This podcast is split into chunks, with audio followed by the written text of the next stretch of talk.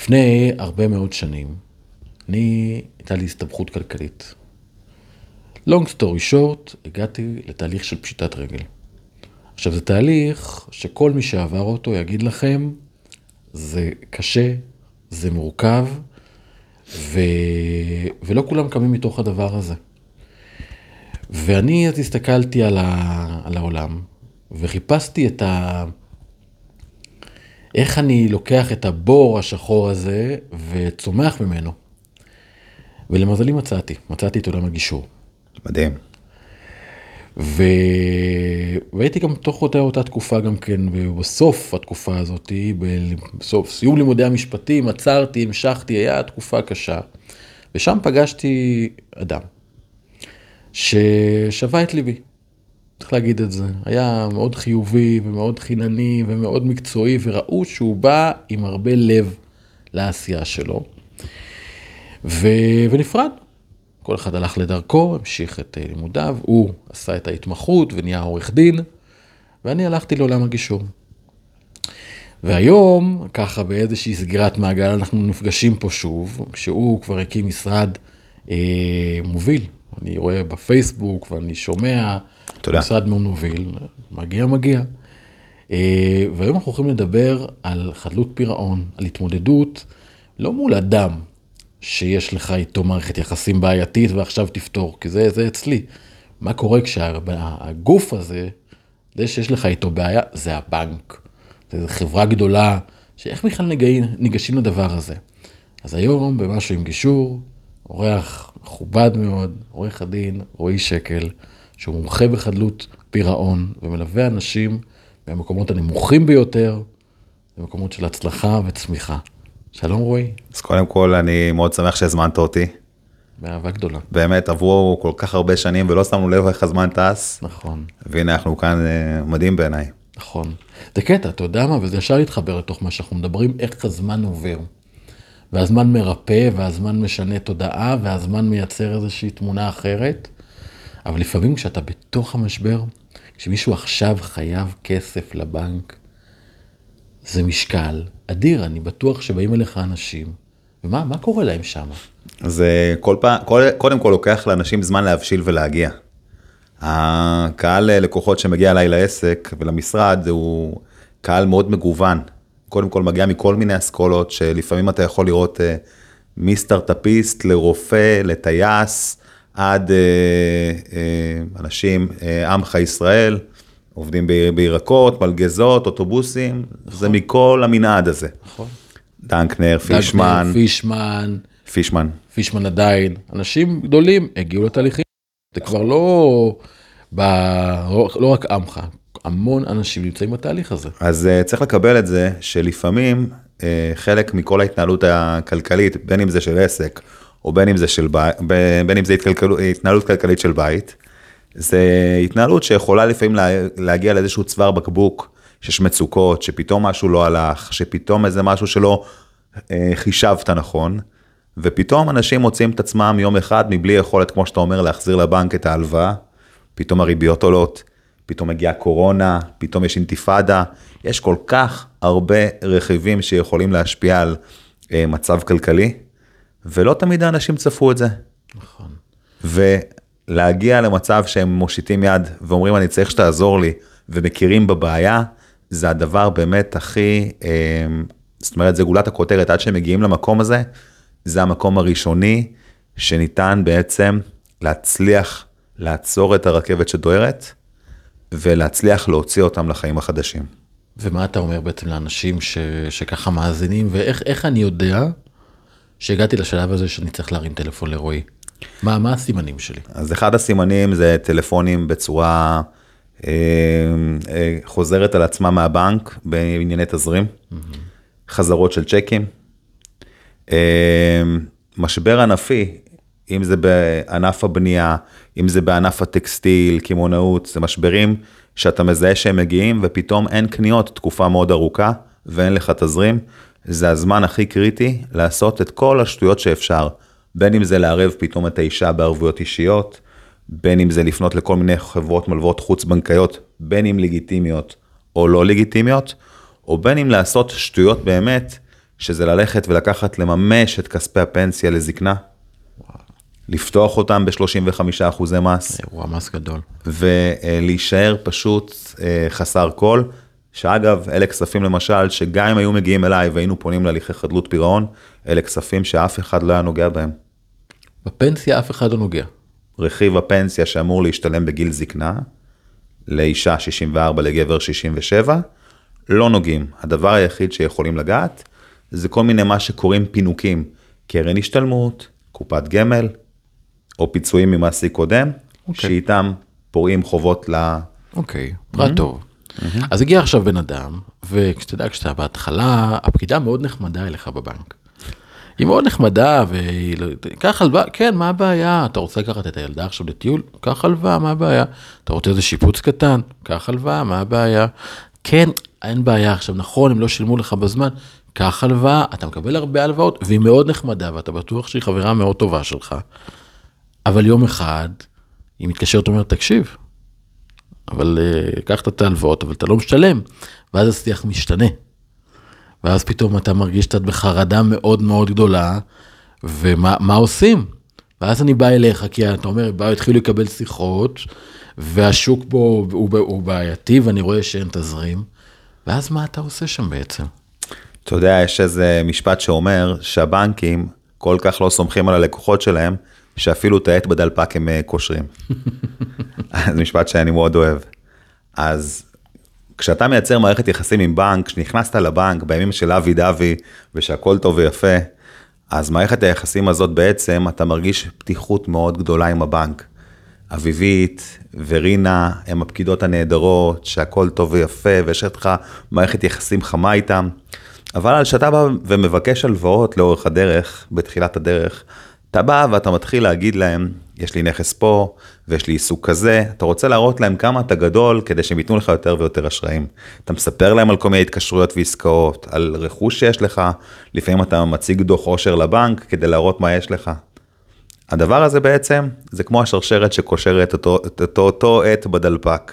מדוע? מדוע? כי לימים שאתה תסתבך ולא איך להחזיר כסף, הבנק יודע את כל מה שסיפרת לו לאורך השנים, ואת כל הקלסר הזה מעבירים לעורך הדין של הבנק, ומחלקת הגבייה או עורך הדין של הבנק, ובתוספת דוח חוקר שהם מוציאים, יודעים בדיוק מה הנקודות הרגישות אצלך, איזה נכסים יש לך, מה היה לך בעבר, הם מקבלים איזשהו תשקיף עליך, שהם קוראים אותך כמו ספר פתוח. כאן למעשה, כשהעולם הזה זר לך ולכל אדם שנכנס אליי למשרד, זה הידע שלי שבא לידי ביטוי, כי אני יודע איך הם חושבים, איך הם עובדים, מה מדאיג אותם, איך מקדמים איתם אה, צעדים בוני אמון, ואיך גם משיגים הסכמות שהן מועילות ללקוח שלי. ואז אתה אומר לי פה אותם, ואמרנו יש את אביבית ויש את צדבנית והפקידות הנחמדות, אבל פתאום מי זה אותם הזה? איך מנהלים משא ומתן מול גוף? גוף זה כבר לא, זה, זה הבנק. זה הבנק, זה לא איזה, זה לא משה שאני יכול להגיד עליו שלום, מה שלומך? נכון. זה הבנק. נכון. אז לבנק יש כל מיני אה, יחידות, זה תלוי בכמה לקוח מיוחד במרכאות אתה. Mm-hmm. כשאתה חייב אה, כמה עשרות בודדות, יש מצב שנגיע לסניף, נדבר עם מנהל הבנק, נשיג עבורך איזושהי פריסה. אגב, לקוחות שהיו מגיעים לבנק ונדחים פעם אחר פעם מהפקידים, כשהם פונים אליי, הם פתאום מוצאים את עצמם, מקבלים סודה, אשכוליות ואספרסו ממנהל הבנק. למה? כי, כי הבנק מבין, כי מנהל הבנק מבין שברגע שלוקחים לו את החשבון מהידיים, זה מעיד על כישלון שלו, על כך שכסף שהיה צריך להיות בתוך הבנק יצא החוצה, לחוב, אולי חוב אבוד, וכשאני מגיע לסניף, אני בעצם מוצא כלים יחד עם מנהל הבנק, יחד, יחד עם מנהל הסניף, עם רמי או יוסי או דוד או רינה, איך להשאיר את החשבון בסניף, ואיך לאפשר ללקוח שלי לא להגיע להליכי חדלות פירעון. זאת אומרת בעצם כשהוא מגיע איתך הלקוח, נכון. לקח את זה לתוך הזווית של המשא ומתן, בעצם זה שלב שהלקוח אומר לבנק, תראו, אני יודע שאני איתכם לא מסתדר, אבל אני לא רוצה שנאבד שליטה, כי זה לא טוב לאף אחד מאיתנו שנכניס גורם חיצוני. אז הנה, אני מביא מישהו מטעמי, שעכשיו יעזור לנו למצוא פה את הפתרון. נכון. ותראה, זה מישהו מקצועי, שהוא בא לדבר איתכם בשיחה עניינית מקצועית, חד איך משמעית. מוצאים פתרון. חד משמעית, עשרות פגישות אוקיי. כאלה של צעדים בוני אמון עם בנקים. אני אגיד לך גם ברמה הנפשית, לקוחות שלא ספרו אותם, ממש ככה אני אגיד את זה בצורה הכי פתוחה ובוטה, פתאום מגיעים לקומה השנייה, ופתאום מנהל הבנק מתייחס ושואל מה קורה, שזה בחיים לא יכול להיות אילולא המעורבות שלי. יפה.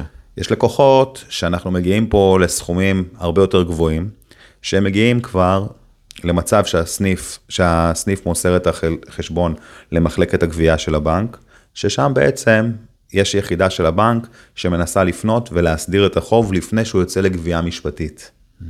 מנסים למצוא הסדרים, מנסים להפעיל לחצים, זה תלוי כל בנק והשיטות שלו. אם האירוע הזה לא עובד, לרוב זה יצא למשרד עורך דין חיצוני, הבנק פה גם משקיע כספים בייצוג, ואז צריך לנהל את זה בצורה מאוד מאוד מקצועית, למה? כי יש המון הליכים שהבנק יכול לנקוט לפני שהוא בכלל הוא תובע אותך, ליצור לך כבר כל מיני בעיות. אם זה למשל להטיל עיקול על הנכסים שלך, לפני שהוא תובע, אתה נכנס לסחרחורת וטלטלה, ואם אתה איש עסקים או שיש לך עסק או משפחה, אתה עלול למצוא את עצמך במצב של נחיתות מאוד מאוד גדולה. ויש את השלב הכי הכי מתקדם, שזה לקוחות באמת גדולים, יצא לי לייצג בתיקים כאלה, שם אתה כבר בליגה אחרת, זה נקרא לקוחות מיוחדים. אתה מגיע להנהלת הבנק, ואתה יושב ודן במיליונים, ואתה שם לב שללקוח יש ב, אה, כמה עשרות אה, אלפי שקלים או מאות אלפי שקלים בודדים, זה בעיה של הלקוח, וכשאתה מבין שהאירוע הוא מיליוני שקלים, זה בעיה של הבנק, אתה רואה את זה שם. יפה. זאת אומרת בעצם כמו, כמו שאנחנו נגיד דבין במשא ומתן, כמה שתבוא יותר מוקדם לדבר, אתה משאיר את השליטה בידיים שלך, נכון. אל תיתן לדברים לעבור הלאה, אני גם מניח, אני גם ראיתי את זה, שזה ברגע שזה עורך דין חיצוני, הוא כבר פחות אכפת לו מהתוצאה שלך, הוא רוצה את שכר הטרחה, שכר הטרחה הוא לפי שעות, אין לו באמת עניין אה, לעזור לך. לפקידה, למנהל הבנק, עוד יש איזשהו אינטרס, אתה אומר, כי הם מעדיפים להשאיר את זה, להשאיר את זה בבית, להשאיר את זה בפנים, אבל כמובן עדיין, בואו נגיד לזה כותרת מלמעלה, חובות איכשהו צריך לשלם. נכון.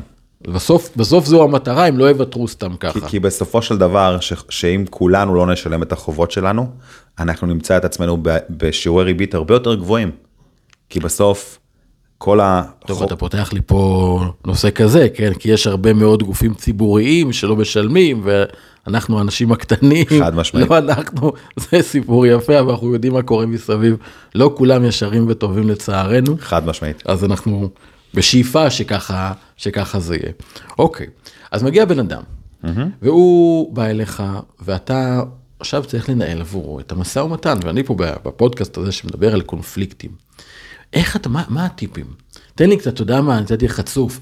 מה, מה אני צריך לעשות כדי לנהל את עצמי מול הבנק, כדי להתמודד, איך אני צריך לדבר איתם בכלל? אז קודם כל, תלוי מאוד באיזשהו שלב הגעת אליי.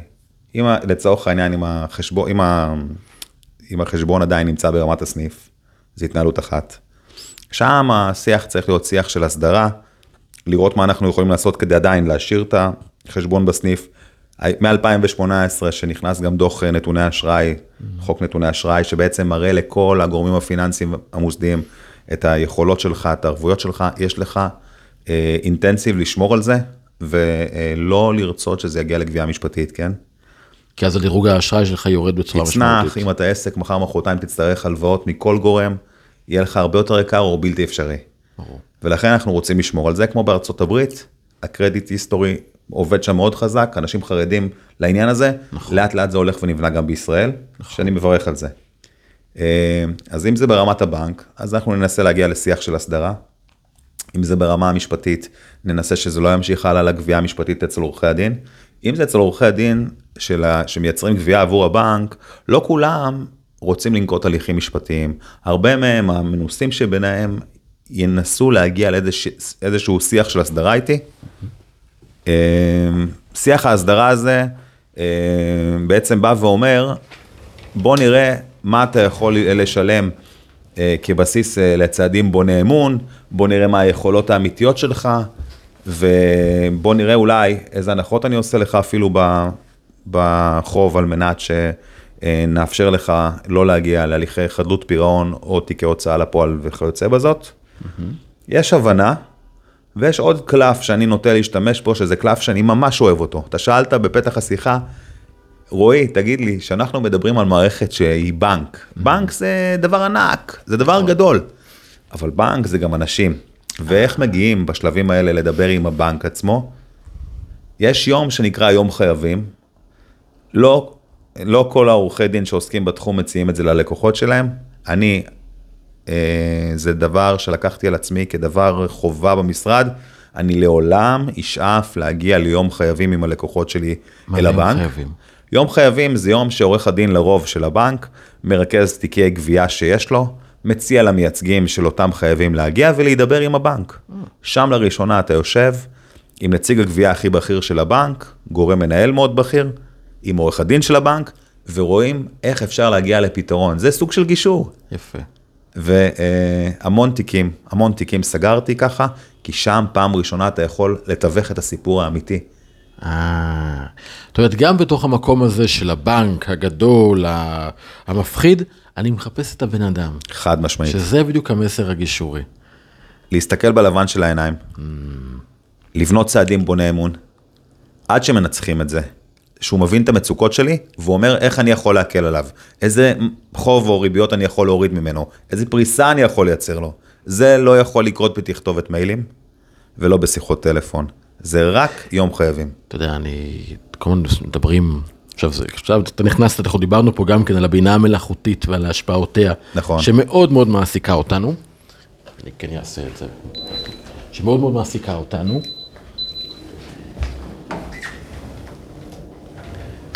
ובעצם, מה ש... שאנחנו מבינים שיש שינויים בעולם התעסוקה ובעולם ה... אה, בעולם העסקים, בעולם עריכת הדין, שהוא עובר שינוי מאוד מאוד גדול. ואני אמרתי, ואני אומר את זה, שבסופו של דבר מה שיקרה, ובסופו של דבר אני מדבר על השנים הקרובות מאוד, שכל תחום קונפליקט, של קונפליקטים, שבהם זה אדם ש- מול אדם, זה הולך לגישור. אנחנו, אולי- את עריכת הדין במקומות האלה, גם ככה זה יורד וזה הולך ממש עד, עד בכדי, כמעט ולהיעלם. אבל כל מקום שיש אדם מול גוף ציבורי, חברת ביטוח, או בנק, או כל גוף כזה, זה תמיד יהיה. זה אנחנו חייבים עדיין את העורך דין שידבר מול הגוף הזה. כי אני הקטן, לא דובר את השפה הזאת, לא מכיר את הנתונים האלה, וזה מפחיד. אני כשהצגתי את עצמי לבד, זה היה מאוד לא קל. מאוד לא קל תמיד, אני זוכר בבית המשפט שקיבלתי את ההפטר, באו לי שם עורכי הדין, אמרו לי, "איך- איפה- אתה מיוצג פה? ורעדתי. רעדתי, אבל אני מאוד מבין איפה- שם צריך עזרה, אני באמת הייתי קצת איזה... אה, זה היה סיפור. ואז אתה בא ואומר, אבל עדיין, אני, המיומנות שלי זה להבין מתוך כל הדבר הזה, גם כשאדם הוא משותק, כשאתה עובד מול בנק אתה משותק במקום הזה, זה מפחיד מאוד. ואז אתה בא, ואתה מחפש עם המומחיות שלך את המישהו עם הלבן בעיניים. זאת אומרת, אתה הופך את הבנק למשהו יותר אנושי, כי בסופו של דבר אנחנו סוגרים את הדברים מול בן אדם. חד משמעית. יפה. יש גם עניין שלקוח, אה, בוא נגיד, יכול להיות אה, מהנדס אה, טילים, יכול להיות מוכר בחנות או כל דבר אחר, הוא לא מכיר את הניואנסים של הדין, הוא לא מכיר את הפינות של החוק, הוא לא מכיר את הזכויות שלו. בזמן הזה שאדם לא מיוצג, אפשר פשוט לנצל אותו לפעמים. להוסיף עוד איזה, עוד איזה אחוז או שתיים ככה בריבית שהוא משלם. זה מילא. זה מילא, אפשר גם לעשות דברים אחרים. כגון. שבסוף אה, יאפשרו לבנק אה, לקבל יותר אה, כספים. לפעמים הבנק מחתים לקוחות על כל מיני מסמכים שנקראים ערבויות, והוא מחתים אותם לפעמים לא כדין. אז אם הלקוח לא יהיה ער לזה שעל הבנק היה לעשות סט של פעולות, לתת הודעה מתאימה, לתת גילוי מתאים בדבר גובה הערבות, כל מיני עניינים משפטיים שכאלה בתחילת הדרך, שעכשיו מגיעים למאני טיים, אם הבנק עשה את אותן uh, טעויות, אתה יכול פתאום למצוא את עצמך חוסך המון כסף. איך למשל? יש הבדל אם אתה ואשתך חתמתם על ערבות בלתי מוגבלת בסכום, או רק אתה. נניח שיש לכם דירה, ונגיד שיש חוב של כמה מאות אלפי שקלים או אפילו מיליונים. אבל בסוף, הזכויות של אה, אשתך בדירה, אם הערבות שלה לא נחתמה כדין למשל, או אם אתה לפני כמה עשרות שנים חתמת עבורה, שכבר ראיתי מקרים כאלה, וזה לא החתימה שלה, אתה יכול להציל את החלק שלה בבית. Mm. היא לא צריכה, זאת אומרת, היא לא צריכה להביא לה- למשחק, בין אם זה הליך משפטי או בין אם זה הליך אה, הסכמי, גישורי כמו שאתה קורא לזה, של משא ומתן, אתה לא צריך להביא את החלק שלה לתוך זה. ולפעמים זה מאות אלפי שקלים, לפעמים זה מיליונים, ברור, בסכומים האלה בוודאי ובוודאי. וצריך להכיר את הפינות, כי כשאתה מכיר את הפינות, אתה בא מעמדה של כוח. יפה. התחלת להגיד לי מקודם, שרשום לך גם כן להגיד שאנשים שמרגישים נכנסים לתהליך הזה, זה מרגיש להם כמו אברסט. שמתחילים בתוך, אה, ביציאה לעסקים. כן. למה רצית להגיד את זה? למה? כי אני מזהה כל כך הרבה אנשים שהגיעו אליי להליכים, ובוא נגיד כעבור איזה חודש או חודשיים אחרי, מסתכלים לי בעיניים כשאני מגיעים למשרד, והם אומרים לי פשוט, אני לא מצליח להבין מה עשיתי כל השנים. לפעמים זה שכירים שלא עבדו עם תלוש, כי הם פחדו שיקחו להם את ההכנסות, כי היה להם עיקולים. בשנים האלה הם לא נהנו מימי מחלה, לא ימי חופשה, לא פנסיה, הפסידו כסף. לפעמים זה אנשים שפחדו לצמוח ולהגדיל את ההכנסות שלהם. תתאר לך עכשיו, אדם, יש לו יכולות, והוא מפחד לגדול ולצמוח, כי הוא אומר, ייקחו לי, יעשו לי. נכון. אבל אם היינו מגדרים את זה באיזה תקופה מסוימת, שלאחר התקופה הזאת הוא היה יכול להתפוצץ ולעשות כסף ולפתח ולשקם ולהעניק, מה יותר טוב מזה? היו לי לקוחות שהגיעו אליי אחרי משבר מטורף, ואתה רואה פשוט, כעבור שלוש שנים, הם קיבלו הפטר, והם יצאו פשוט לדרך חדשה, שאתה נדהם, נכון. נדהם. ואני שואל אותם, תגידו, הייתה לי גם גברת, השנה הזאת, לפני שלושה חודשים, סגרתי חוב של מעל 4 מיליון שקלים לגברת בת 65, וואו, ב-140 אלף שקלים. מדהים. ושאלתי אותה איפה היא הייתה כל השנים. והיא אמרה לי, איפה אתה היית כל השנים? עד שאח שלי לא הביא אותי אליך, לא ידעתי מה זה. אגב, במקרה שלה הצלחתי להגיע, ומה שנקרא לעשות הסדרים פרטניים, מבלי להכניס אותה להליכי פשיטת רגל, כי פשוט החוב היה מאוד ישן, והעדפתי לגמור עם נושה נושה באיזשהו סכום שמשפחה הקצתה, ולסיים עם האירוע הזה. 11 חודשים, וסיימנו את זה, בלי פשיטת רגל. וכשהיא הייתה מגיעה בעצמה, אז היא הייתה צד. זה היה מעורר את כל הרגשות ואת כל התסכולים. היא לא הייתה יכולה מבחינה רגשית להתעסק עם שזה זה, לא כמו שאתה אומר. ולכן פה טוב שיש את המייצג. אתה יודע, זה מבחינתי המקום, קח את זה ברמה הלמעלה, זה המקומות שצריך בהם עורכי דין. אני ידוע כאחד שמדבר הרבה סרה בעולם המשפט, יש לי בטן מלאה עליו. אני לא שופט אותך, אתה רואה זווית מסוימת, נכון, של עולם מאוד אה, מאוד מאוד גועש ורועש, ולפעמים אני מתחבר ל- ל- לדברים שלך, לפעמים פחות, אבל איפה? אני חושב שהעניין הגישורי זה עניין מנצח. איפה שאפשר, זה עניין מנצח. יש לי הרבה קולגות עורכי דין ענייני משפחה, אני צריך למצוא את האיזון וללכת ככה בין השורות. אני, אני באמת חושב, אני באמת חושב, שאם היינו יכולים לשלוט על הווליום של כל בני הזוג, באינטנסיב שלהם לעשות אה, מאבקים, או לשלוט ברגשות שלהם, היינו יכולים להביא את כולם לגישור. אבל אבל, להנחתה, אנחנו יכולים. כן? כן. אז, אז זה אולי, חד משמעית. כן? כן, חד משמעית. הלוואי, זה לא עליי, זה תלוי בעורך דין. כן? כן, בשני עורכי הדין. אחד. כי יכול להיות שהצד השני ייצר את המתח. אחד. כן. תן לי אחד כן, שמקבל החלטה והלקוח שלו מבין את האסטרטגיה. כן, שאומר, לא משנה כמה הצד השני יתקוף אותך, לא משנה. לא משנה כמה הוא יתקוף אותך, אתה עובד איתו, אתה כמו באמנות לחימה, אתה מקבל את האנרגיה, אתה לא מכוון אותה אליך, אתה מפנה אותה הצידה, אוקיי, הוא יוריד אותה אנרגיה. הרי ה- העורכי דין נפגשים אחת ל...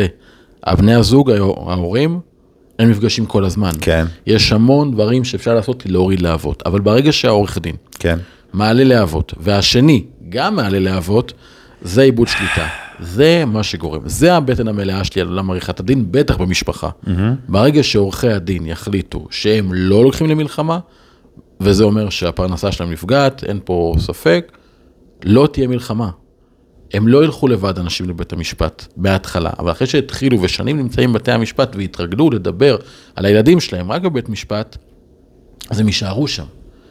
אבל זה במקומות שבהם יש מערכות יחסים אנושיות וניסינו להכניס אותם לתוך עולם המשפט, שמעולם בשחר ההיסטוריה זה לא היה ולא אמור להיות, ולשמחתנו זה גם יוצא משם. כי אנשים מבינים את זה והגישור מתחזק, אגב, בכל העולם. אני גם רואה יותר עורכי דין לענייני משפחה שהם אה, נהיים מגשרים. ברור. המגמה היא ברורה. המגמה היא ברורה, השוק, הוא, השוק נעלם, אני אגיד את זה ככה, ירידה של יותר מ-60% בכמות התביעות במשפחה. באמת? כן. אוקיי, כן. זה, זה עולם שאתה חי אותו יותר. כן, זה אין שאלה. עכשיו, גם בגלל הסאדה החדש, גם בתחום האזרחי, המגמה היא לגישור. בכל העולם, נכון. המגמה היא לשם, אנחנו יודעים את זה. אבל עדיין, אני לא רוצה להכחיד את עולם המשפט. יש לי בטן מלאה עליו בכל המקומות שבמקום לעשות שלום בין אנשים, הקצינו בצורה מיותרת, שלא היה בזה שום אינטרס משפטי. אתה יודע, זה מגיע היום גם לעולם הפלילי. הגישור. בין הקורבן לבין ה... הצדק המאחה זה אחד, ה, אחד היפים. אחד היפים, מורכב מאוד, והוא גם עדיין דרך המערכת, הוא קורה לאט לאט, אני יכול להגיד לך בשקט, אני שומע יותר ויותר על גישורים בתביעות, ב... זה לא תביעות, כי אין תביעה, אבל בהטרדה מינית. בעבודה, בסכסוכים, שמגיעים בשקט ואומרים, אנחנו רוצים לסגור את זה, ומגיע לה פיצוי, והוא מוכן לשלם, והיא לא רוצה את החשיפה וההליך המשפטי, ויש כאלה שכבר סוגרים את זה בתוך תהליכי גישור, זה כן מגמה שכבר שמעתי מכמה מקומות שיש מגמה שכזו, וזה, אני חושב שכל דבר שיכול להיסגר כמובן לשביעות רצון הצדדים, לתת הכרה בקורב, בסבל של הקורבן, זה ברור שזה יכול מאוד להקל, אבל עדיין יש מקום בעולם המשפט. פה אני אומר את זה כי אני, אני חושב שכשלמדנו משפטים, אני מאוד אהבתי את התואר הזה. מאוד אהבתי אותו, נהניתי באמת, חשבתי שיש בזה הרבה ערך והרבה עניין, יש לי רק איך אתה משתמש בזה לטובה. גם אני. ובמקומות מעולה, בגלל זה אני שמח שבחרת במקום הזה. בגלל זה אתה זוכר, עשיתי שם, הייתה הרצאה שעשיתי שם, על למה לא להיות עורכי דין. ב debate או... לא ב debate, היה איזו הרצאה באיזה קורס שעשינו שם, אמרתי, אל תהיו עורכי דין. כן, כי ראיתי את המשפחה. כן. אמרתי, תבחרו בלעזור ללקוח, ואתה עשית את זה. בגלל זה אני מאוד מעריך את הדבר הזה, של לבוא ולהגיד איך אני לוקח בן אדם בתוך משבר, שהוא עצום, פשיטת רגל, מקום של חובות כאלה גדולים, זה משבר ענק. אתה יודע, בעניין הזה, דיברנו על צדק מאחה, היו לי תיקים שהיה בהם אה, בין כל הנושים, שזה בנקים, כרטיסי אשראי, והיה גם, למשל, סתם דוגמה, אה, אה, לקוח שהיה לו אה, איזשהו עיסוק, שהוא עבד שנים עם בית עסק אחר, והוא פגע באמון שלהם, כי הוא בסוף נקלע למשבר כלכלי, mm-hmm. והוא גם לבא חובות במקומות פחות לגיטימיים, והוא נשאר בלי כסף. והוא היה צריך לחשוב לאן להעביר את הכסף, האם לאותו גוף שיש לו מערכת אה, יחסים של שנים, או בין אם זה להעביר לאותם אה, אנשים שהם אה, פחות לגיטימיים, כן? כשאנשים נמצאים בכלל במצוקה, הם עושים המון שטויות, אנחנו רואים את זה. ואני לא אשכח את זה, אני נסעתי עד חיפה, לא- לאותו נושה, ואני ביקשתי ש... לעשות פגישה. ניסיתי שתהיה פגישה שהוא מתנצל. ואחרי הרבה שנים, אה, היה שם בכי, שהלקוח שלי וגם הלקוח השני אחר כך, של אותו עורך דין, בכו. והוא אמר לו, אני מתנצל ואני לעולם, מבחינה כלכלית היום לא יכול להחזיר מה שזה, אבל אני מבקש את הסליחה שלך. מהמם. והיה שם סליחה ומחילה אמיתית, והיה פחות מעורבות של אותו נושה, והוא דווקא תמך אפילו בהסדר נושים, וסיימנו את התיק. איזה יופי. אז זה זה, חשוב, הקשר האנושי במקומות האלה. תמיד זה, אני זוכר את זה גם מעצמי בתקופה שעברתי, אבל בכלל תקופות קשות. תמיד תבוא עם חיוך, תמיד תבוא בטוב, תמיד תבוא לדבר עם הבן אדם, תחפש את הבן אדם, את הבן אדם עצמו. לכולם יש קושי, ואתה לא לבד. אתה לא לבד. ואם אתה בא ואתה מדבר עם הצד השני, ומסביר, ומשתף, ודי עם ה... כל הפוזות האלה שכולנו כל הזמן עושים בפייסבוק, אני הכי טוב, אני הכי טוב, יאללה, די, זה, זה- לא. לכולנו יש קושי, בוא נגיד את זה, לכולנו יש. קושי. ואם נגיד את זה קצת, ואולי דווקא זה המקום שדווקא פה עורך הדין יכול לבוא ולהגיד את זה בשבילנו, קשה לו, מתבייש, קשה. חד משמעית, זה, זה ממש ככה. אני אגיד לך עוד משהו, היו, היו גם תיקים שפנו אליי כדי שאני אגבה חובות. מאחר ואני שולט בכל עניין חדלות הפירעון, אז בשבילי לגבות חובות זה משהו שהוא קל יחסית ביכולות שלי. אבל uh, כשלקחתי את אותם תיקים אחרי דילמה אם כן או לא, כן לא, איך זה שם אותי אם אני מייצג אה, חייבים, אז לקחתי כמה תיקים שהסכמתי לקחת אותם, ולמשל היה שם תיק של איזשהו דייר שהיה גר בנכס ולא היה לו כסף לשלם, והוא גר עם הבן שלו. אבל מה לעשות, בעל הדירה אומר, אני התחייבתי על משכנתה ואני צריך לעמוד בתשלומים. נכון. אז אתה מתקשר לבן אדם כזה, ואתה אומר לו, תקשיב, אני לא רוצה להגיש נגדך תביעה, ואני לא רוצה גם אחרי זה, שאם אם אני אפתח לך תיק הוצאה לפועל, הדירוג אשראי שלך יאבד. בוא, תיקח לך עוד שבוע, תראה מה אתה עושה, תדבר עם אחותך, תדבר עם המשפחה, תראה מה אתה עושה. תראה איך אנחנו מונעים את הסאגה הזאת. עם שיחה נכונה עם אותו לקוח שלי, עם שיחה נכונה עם אותו דייר, בסופו של דבר, כעבור שלושה שבועות הוא יצא בפינת הנכס וגם סייד אותו. מהמם. עכשיו זה דבר קטן, אבל לפעמים בגישה, כמו שאתה אומר, שיש את הגישה הנכונה, אתה מגיע למצב שאתה משיג הרבה יותר אה, הישגים ונכסים. הרבה פעמים גם עם הבנקים זה ככה. שהם באים אליך, לפעמים אתה מוצא איזה משהו שלקוח חושב שבאו אליו אישית. והוא אומר, ייהרג ובל ויעבור, אני לא אשלם, אני לא זה. הוא מצהיר כל מיני הצהרות, ובסוף אתה קצת מוריד אותו מהעץ. אתה מבין מה האינטרסים החשובים לאותו לקוח. איפה הנקודות שאפשר באמת למצוא את ה... זה סופר חשוב מה שאתה אומר כאן עכשיו, כי במשא ומתן, ברגע שמישהו שם קו אדום, ישר מדברים על הקו האדום. זאת אומרת, שקודם כל במשא ומתן, עזוב אותך מקווים אדומים. אל תיתן את ההצהרות האלה. כי גם אתה לעצמך, אם אתה אומר, אני לא אשן, תן להם בחיים, אתה מגביל את עצמך. חד משמעית. כי יום יבוא והבנק, אם הוא יצטרך לקחת ויהיה מה לקחת, הוא, אתה תשלם את זה. חד משמעית. ובדיוק פה זה המקום, קצת זה לבטן המלאה שלי לעורכי דין, כי במקום הזה אתה אומר לו, תקשיב חביבי, בוא, בוא, בוא, בוא תרד רגע, תקשיב. זה נכון שהוא הוא, הוא לא נחמד, וזה באמת לא היה בסדר, אבל מה לעשות, אתה לקחת כסף ואתה צריך לשלם אותו, ואם אתה תבוא לו עכשיו באגרסיביות, אז הוא לא יהיה נחמד. תבוא לו ברוך, יש סיכוי לקבל. חד משמעית. אגב, אחת ההתמחויות שלי גם בחדלות פירעון זה ליווי אה, לקוחות וקורבנות שנעקצו. זה משהו שלא מדובר מספיק, זה התחיל להתעורר עם נוכל הטינדר. אנחנו רואים את זה עם עוד שורה של נוכלים, אתם רואים היום את המתחזים וכתבות אחרות. זה נישה מאוד מעניינת ומרתקת, אתה רואה איך אנשים פשוט מנצלים, מנצלים אמון, הרי רוב האוכלוסייה נחלקת לשני, אה, לשני, לשתי קבוצות עיקריות. האחד שאומר, אני אתן אמון בכולם, ואם הוא יפר אני אקח אותו. ואני אקח את הקהילה השנייה, שזה החשדנים, שאומרים, אני לא נותן אמון עד שהוא לא מראה לי שאני יכול להאמין בו. קשה מאוד לחיות בגישה הזאת כל החיים, כי אתה כל פעם מחפש מאיפה ידפקו אותך, או מה יהיה. בגישה השנייה מאוד נעים, אבל לפעמים יש לזה מחירים. אז אני מלווה לקוחות שכתוצאה מזה שהם נתנו אמון באנשים, שיקדמו את האינטרסים שלהם ויהיו להם באמת אה, לעזר, הם ניצלו אותם אה, והתחייבו בכל מיני התחייבויות בשם שלהם. ועכשיו הם נמצאים מול בנקים וכרטיסי אשראי וספקים וכולי, והם הצד שעמד מול אותו, אה, מול אותו ספק או גורם אשראי או בנק. אני לא מדבר על קופים, כן? אני לא מדבר על קופים שבונים על מישהו חברה וכולי, אני מדבר על אנשים שבאמת, קופים זה הכוונה שאנחנו בעצם לוקחים מישהו, יש חברה, עליו. על...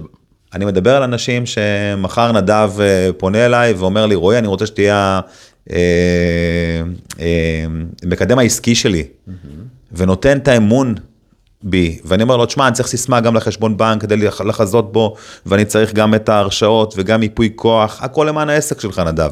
אני צריך לפתח ולקדם את העסק ולשווק אותו וכולי וכולי, ואז אני לוקח את האמון שהפקדת בי, נתת בי, ואז אני עושה מעילות ועוקצים, ואתה מסובך. ואתה הולך למשטרת ישראל ומתלונן על רועי, אבל החובות הם על התעודת זהות של נדב, ומה עושים עכשיו? זה אירוע שנדב שואל את עצמו, איך זה קרה לי, ולמה אני צריך לשלם את הכספים האלה אם אני לא עשיתי את הנזקים האלה? במצב שכזה, גם אז לבוא אליך כמה שיותר מהר, חד משמעית, חד משמעית, חד משמעית, ולפני שחותמים על משהו. חד משמעית. יש לי עכשיו מקרה כזה בראש. באמת? כן, כן.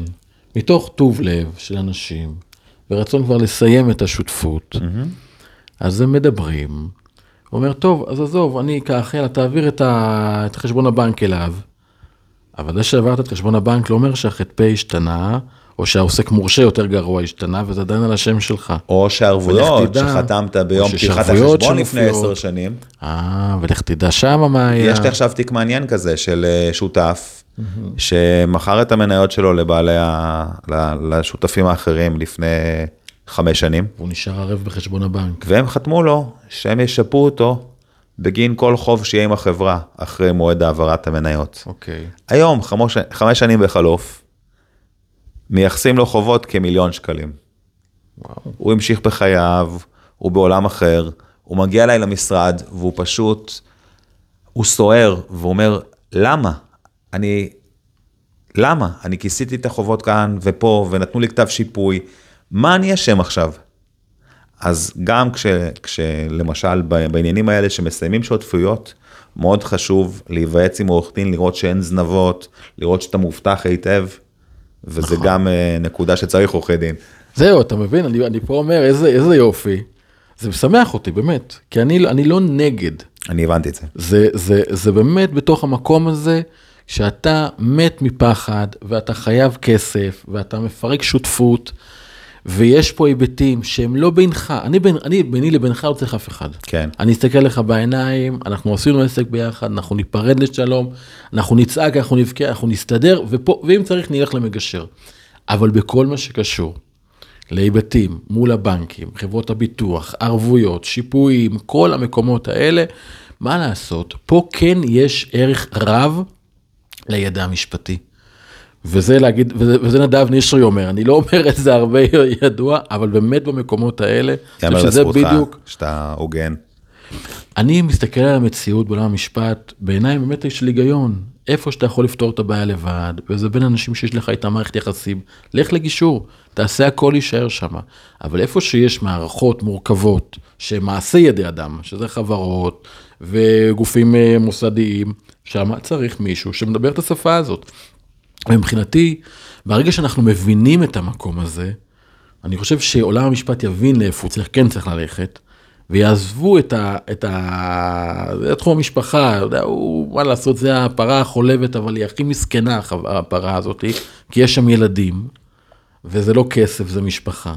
אבל בתוך המקומות האלה, יש כל כך הרבה ערך לדבר הזה. אני, אני גם רוצה להגיד משהו, אתה מדבר על משפחה. אז אני אגיד שבצניעות, מאות רבות של תיקים שטיפלתי בהם, ראיתי פרספקטיבה של המון משפחות, בתי אם ואב. אה, אני רוצה להגיד שהאירוע הזה הוא אירוע משברי מאוד מאוד גדול לילדים. ואחד הדברים שאני באמת אה, מסתכל עליו בטיפול בתיקים שלי, זה איך הילדים עוברים את זה. למה? כי בחדלות פירעון למשל, או בפשיטת רגל מה שהיה, היית צריך לדווח את כל ההכנסות וכל ההוצאות. הרבה פעמים היה שמייצגים היו נזהרים לא לדווח יותר מדי הוצאות, כדי שהם לא יראו כאילו שהחייב חי בצורה גבוהה מדי. השאלה נשאלת, האם לתת לילד חוג זה מחיה גבוהה מדי? האם לקנות לו כרטיס להצגה או לקולנוע, כדי שיוכל ללכת עם החברים ולא יישאר בבית, זה... איזה נורא להיות בדילמות האלה. ולפעמים, אני, אני רוצה להגיד לכם, אם הילד רוצה קורנפלקס אה, צ'יריוס ולא רמי לוי בעשרה שקלים, היו גם נאמנים שהתעסקו בזה, והם קיבלו ממני הרצאה שהם לא ישכחו אותה כל החיים. אז כשיש לך עורך דין, ולא אתה החייב, אתה יודע להיות החומה בצורה ולהיות הפה שלו ולהיות האריה ששואג כשצריך. לרוב אני אדם מאוד רגוע, מאוד קם, אבל שצריך ושיש דברים שמעיפים לי את הפקק, ולכן אני אומר ללקוחות שלי, אתם מדווחים דיווחי אמת. אם הילד הולך לחוג שחייה, הילד הולך לחוג שחייה, אתם תאפשרו לו את זה. אם הילד הולך לתיאטרון, או הולך ל... אה, או בא לו פעם בשבועיים מקדונלדס, ארוחת ילדים, תביאו לי קבלה, זה בסדר. הילד שלכם לא יחיה בעוני ולא יחיה במסכנות בגלל שאתם כשלתם כלכלית, זה קורה, ואנחנו נשמור עליו. יפה. אני רוצה לקחת, אבל את הכשלתם, אתם עכשיו בתוך המערבולת. אני רוצה נכון. להגיד שהאירוע הכלכלי שאני עברתי, אני מדבר עליו היום, לא רוצה להגיד בגאווה, זה לא, זה לא בגאווה. קודם כל זה. אומץ, אני רוצה להגיד לך שיש, ש, שאני אה, מוקיר איזושהי הערכה כלפיך בעניין הזה, כי זה אומץ. אני לא מכיר הרבה אנשים שבאים ואומרים, אני עברתי פשיטת רגל. אתה יודע, אז אני, אתה יודע, זה לא דבר מובן מאליו. מבחינתי כבר עברתי כבר בחיים כל כך הרבה את המשברים, כבר הכל כבר היה בוויינט בראשי, אפשר כבר לראות את החרא שעברתי. אוקיי. אה, אני אומר את זה, ו- ו- ו- ואכלתי לא מעט. אבל היום אני באמת במקום שאני גם מבין, כי אני רואה את האנשים, אני רואה את הקושי שיש להם. ואני אומר, אני הייתי בתחתית של התחתית מהרבה מאוד בחינות, אבל דווקא הבחירה הזאת לראות את המשבר כהזדמנות, נתן לי את האנרגיה הזאת, מבחינתי זה כשאתה, כשאתה בתוך משבר יש לך המון אנרגיה. זה ה stretch הזה, הוא עצום, הוא שורף לך את הבטן. אבל אם אתה לוקח את האנרגיה הזאת ודוחף אותה למטה, ומתחיל לדמיין אותה כמו מטוס סילון, אתה נותן ספרינט על החיים, אתה נותן full גז. ואם מתכווננים לזה נכון, בגלל זה תמיד אני אומר לאן אני רוצה להגיע, ומה המטרות שלי, ומה החזון, ולא מה היה. לא מעניין מה היה, מעניין מה יהיה. ואז בגלל, זה לא אכפת לי לדבר על הדברים האלה. כי בחדר, גם בג- בגישור, שאני יושב פה באנשים בלחץ כלכלי, בטח בתוך גישורי משפחה, וגם בעסקים, רואים המצב הכלכלי, עם כל הסיפורים שמספרים מסביב, נדל"ן, עניינים, השקעות. חבר'ה, זה לא רציני, הכל פה פרסומות, אני אומר את זה בצורה פשוטה. תקופה מאוד... תקופה מאוד מאוד מאתגרת, קשה. מאוד קשה. מאוד קשה, והיא תימשך הרבה זמן. העניין הוא שבפולסים שאנחנו חיים בהם ובמציאות האינסטגרמית והטיקטוקית הזו, כולם מנסים לייצר כמה חיים יפים וכמה טוב נכון, וכמה נכון. הם במיקונוס כמה וכמה- אנחנו, הפייסבוק, הפ- ונוסעים הפיקסל ברכבים שלהם. של 400-500 אלף שקל. נכון. אז אני אגיד לכם משהו, אל תיקחו את זה כ- כפונקציה, כפקטור. הרבה אנשים שמייצגים אורח חיים ראוותני ואורח חיים מאוד מאוד גבוה, זה אנשים שמצויים בהלוואות מאוד קשות, חייבים כספים, ממונפים לא ישנים מאוד. בלילה, ממונפים מאוד גבוה. אתם לא הייתם מתחלפים עם הצרות שלהם, לא רק עם המרצדס S-Class שלהם, נכון, תורידו, תירגעו. נכון, בדיוק. ואנחנו בכלל צריכים כחברה, אני חושב, קצת להגיע עם הצרכנות ועם כל הלחץ הזה.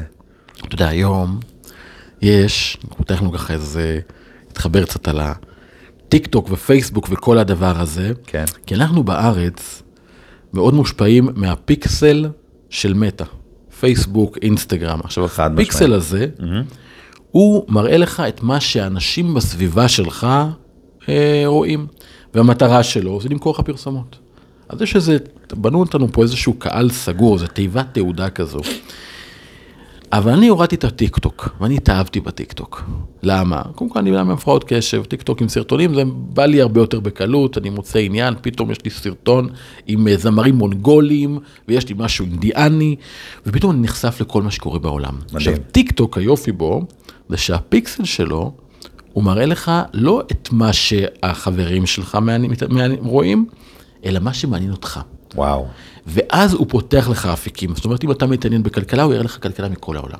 מדהים. הוא יראה לך מוזיקה מכל העולם. ואז רואים באמת את המצב הכלכלי בעולם, ויש דברים מדהימים. זה למי שמאזין להקשיב לאוליבר אנטוני, שלא הגיע פה לארץ, אבל היה כזה בחור קטן, שאת מה שאתה עכשיו ש- אמרת, הוא הפך את זה לשיר. מהמם. והשיר הזה, יש לו הכי הרבה השמעות, יותר מביטלס, יותר מאלוויס פרסלי. מטורף. ואף אחד לא בארץ לא, לא שומע אותו. עכשיו זה שיר מדהים, אתה שומע אותו, יש לך צמרמורות, להבין על תרבות הצריכה, ולמה התבלבלנו, ולמה אנחנו כל הזמן חותרים לעגל הזהב, והכל קצת אשליה, קצת הרבה אשליה. ובפועל מה יש? יש לנו את האדם לאדם. יש לנו פה אני ואתה, שיכולים לעזור אחד לשני. ואם תהיה בעיה, אתה תרים טלפון ואני, ואני, ואני אבוא. חד ואם תהיה בעיה, אני אבוא. ו... אבל אנחנו התרגלנו להיות מבודדים, איבדנו את זה. ופה, אנחנו נחזיר את זה. כן.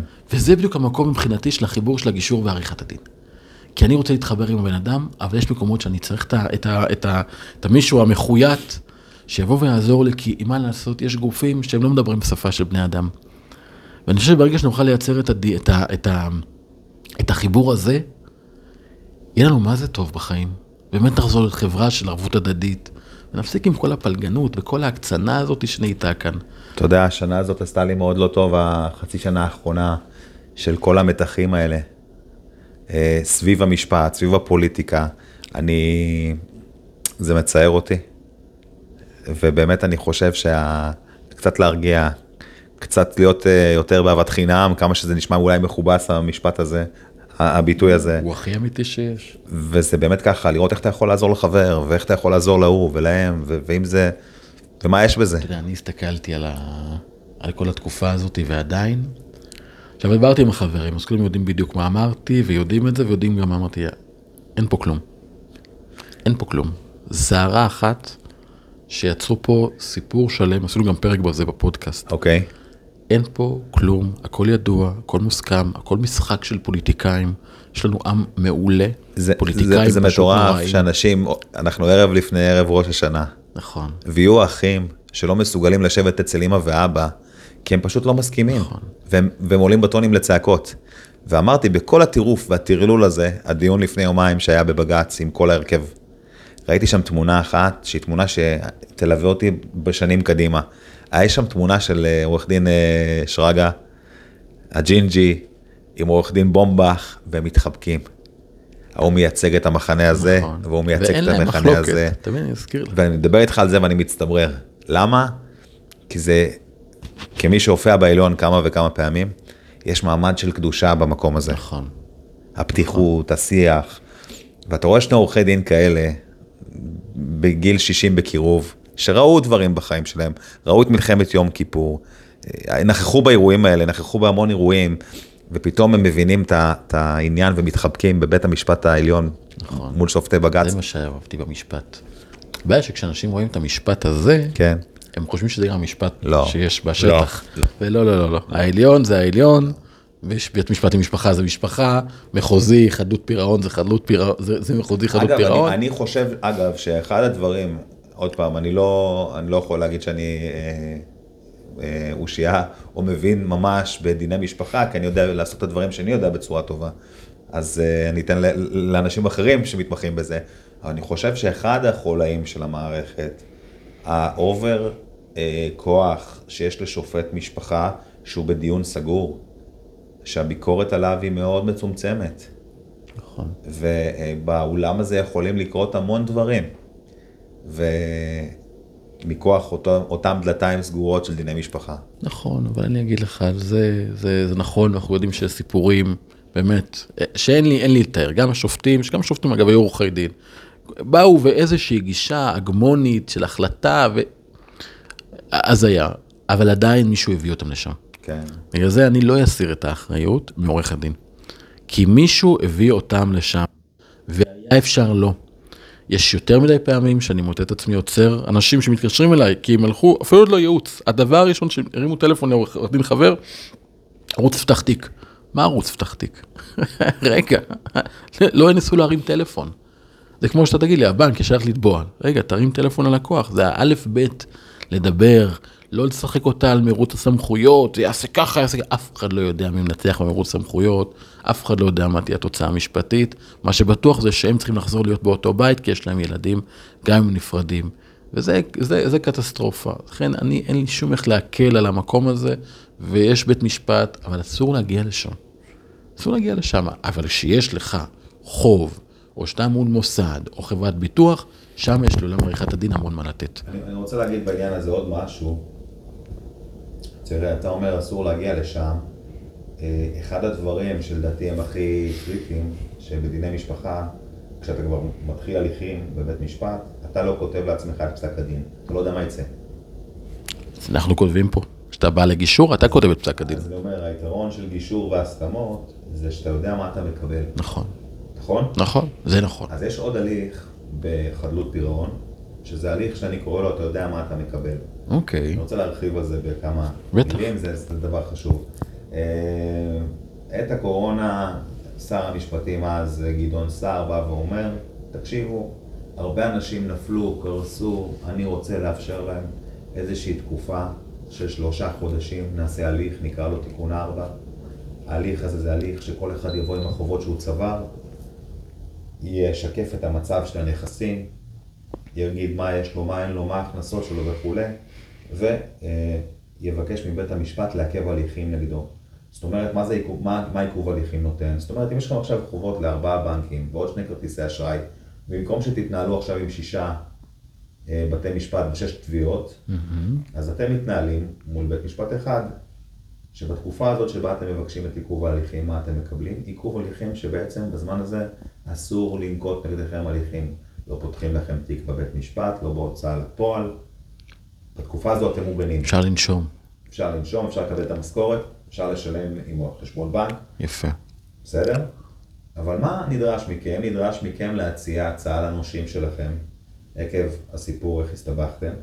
מה שיפה, שאחרי שאמרו שבהתחלה זה יהיה רק לחובות שנוצרו בתקופת הקורונה, אפשרו את אותו הסדר, שאגב מסתיים ב-2024, ואם תהיה לו הערכה אני עדיין לא יודע, שאתה בעצם בא ואתה אומר, אני הסתבכתי כי הפעלתי מכולת ולא הסתדר לי. אני, כי פתאום באו וחצבו את הרכבת הקלה לידי וירדו לי הלקוחות. אני הסתבכתי כי אשתי חלתה, או כי אני חליתי, כי אה, קרו אלף ואחד דברים אחרים, כי אני נסמכתי על שוק הבנייה, עולם הבנייה, ויש עכשיו האטה, ואין לי יכולת לפרוע את ההלוואות והריבית עלתה. אני משלם ריבית היום 12% שנתי ואין לי מאיפה להביא. אז אנחנו עושים איזה הולד, עוצרים את הסוסים, מגיעים לאותו הליך, מקבלים עיכוב הליכים מבית המשפט, ואז מתחילים סביב שולחן משא ומתן להגיע לאיזשהו הסדר. אם ההסדר הזה מאושר, אנחנו חוזרים לאותו בית משפט, הוא נותן לו תוקף של פסק דין, מכאן אנחנו צריכים להשלים ולשלם את הכסף, ובזה זה ייגמר. כמובן שיש לזה אה, השלכות לעניין דירוג האשראי, אין מה לעשות, אבל יכול להימחק פה, אפשר להיות מופטרים מסכום גדול מאוד של כסף, מבלי להיכנס לוויה דלרוזה של הליכי חדלות פירעון, מה שאתה הכרת את זה כפשיטת רגל, או צו פתיחת הליכים, איפה שלא צריך, לא צריך. אני מאוד מאוד את הלקוחות שלי להגיע להליך הזה. אוקיי. ביחס להליכי חדלות פירעון מלאים. טוב, אני חושב שהחכמתי. זו הייתה שיחה, אהבתי גם כן שלקחנו גם כן את ה, גם את הפן המשפטי וגם את הפן הגישורי, ובסוף הראינו שכן יש מקום שהם יחיו ביחד. זה, זה שיחה שאני מאוד אוהב אותה, זו שיחה שיש לי גם עם חדלות פירעון, גם, גם עם אה, עורך דין של מקרקעין. יש מקומות באמת שעולם המשפט ועולם הגישור יכולים לעבוד ממש ממש טוב ביחד, ואני מברך על המקום הזה.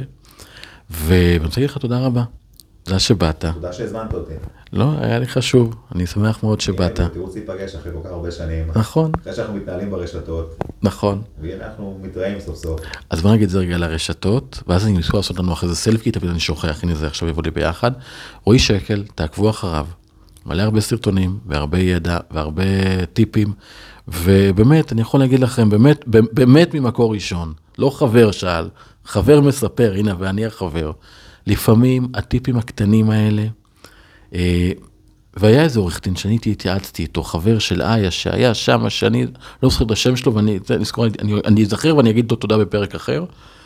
וזה טוב שיש את המישהו הזה של לבוא ולהתייעץ ולהקשיב, ולא לעשות דברים בלי להבין. אני חייב, אני חייב, כן, כן, באותה תגיד. נקודה להגיד לצופים, שאם יש לכם חובות מאוד כבדים, ויש לכם גם אה, כל מיני נכסים שלא חשבתם עליהם, נגיד יש לכם פיצויים ממעסיק הקודם, או קרן השתלמות, או ירושה שיש לכם, כל הדברים האלה גם אפשר לקחת מכם. נכון. על ידי חובות, וצריך להסדיר את זה, צריך לבדוק את זה, צריך לחשוב על זה. נכון, ולא לעשות אבל צעדים לבד. אל תחשבו שעכשיו תעבירו את השם על שם מישהו אחר, זה יפתור, לא, זה לא, אסור בדיוק, אל תעשו כלום. נכון. זה יהיה בעל ניחוח של אה, מרמה, וגם. יעלה לכם יותר לסדר את זה. בדיוק. צריך לקחת, להתייעץ, אגב, גם כשאני עושה הסכמי גירושין ואני רואה שיש סיטואציה בחדר של מצב כלכלי שעלול להביא לפשיטת רגל, אני אומר להם, לך להתייעץ עם עורך דין לחדלות פירעון. כבר עכשיו תתייעצו, כדי שנוודא שהסכם הגירושין לא יהיה שם טיפת תחושה של הברחת נכסים, או של העדפת נושים. ובמקום הזה, אתה רואה, הנה עוד מקום שבו אני אומר, לכו, יש פה ידע אובייקטיבי שכדאי לכם להיעזר בו. אני אומר את זה כי יש במקומות של המשפט, הזכרת- אם הזכרת גם את הנושא של, אה, של בני זוג, הרבה פעמים גם נגיד הבעל מפעיל חברה או האישה מפעילה חברה, ובן הזוג השני אה, רואה שהאישה כרגע קשה לה ויש לה ערבות אישית, אז או שהוא גם פתאום חותם ערבות אישית, או שהוא לוקח הלוואה אישית כדי להזרים לעסק, כשאם היו מסתכלים עוד צעד קדימה, היו מבינים שאי אפשר להציל את העסק. עדיף להפסיק לזרוק כסף טוב אחרי כסף רע. בדיוק. לעצור, כן. להתייעץ נקודתית ולהמשיך. מעולה. ואני אגיד את זה ואסכם את זה, כי המלצה האחרונה, לפעמים כשאנחנו בתוך משבר, אנחנו צריכים את הזווית ראייה הזו של מישהו שיבוא לעזור לנו קצת להסתכל על דברים אובייקטיבית. זה חשוב, זה יכול להקל. אני רוצה להגיד את זה גם בתחום המשפחה, אבל לצערי יש לנו יועצים שלא עושים את זה.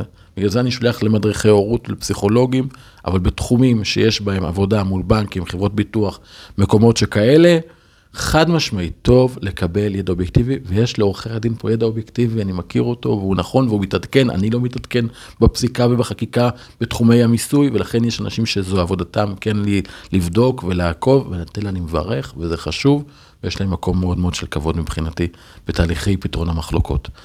אז תודה רבה רועי, תאזינו לרשתות, תשתפו בבקשה, תפיצו, תעזרו לנו להעביר את המסר הזה. אנחנו נותנים פה באמת ערך לאנשים, אני מקבל את זה מהרבה מקומות. וזה חשוב שנגיע לאנשים, וזה בידיים שלכם, פשוט להפיץ ולתת למי שצריך, שידע שיש אפשרויות לפתור מחלוקות, אפשר לצמוח מהמשברים האלה, אבל צריך לעשות את זה נכון ובשיתוף פעולה. משהו עם גישור, עם המגשר נדב נשרי ואורחים נוספים.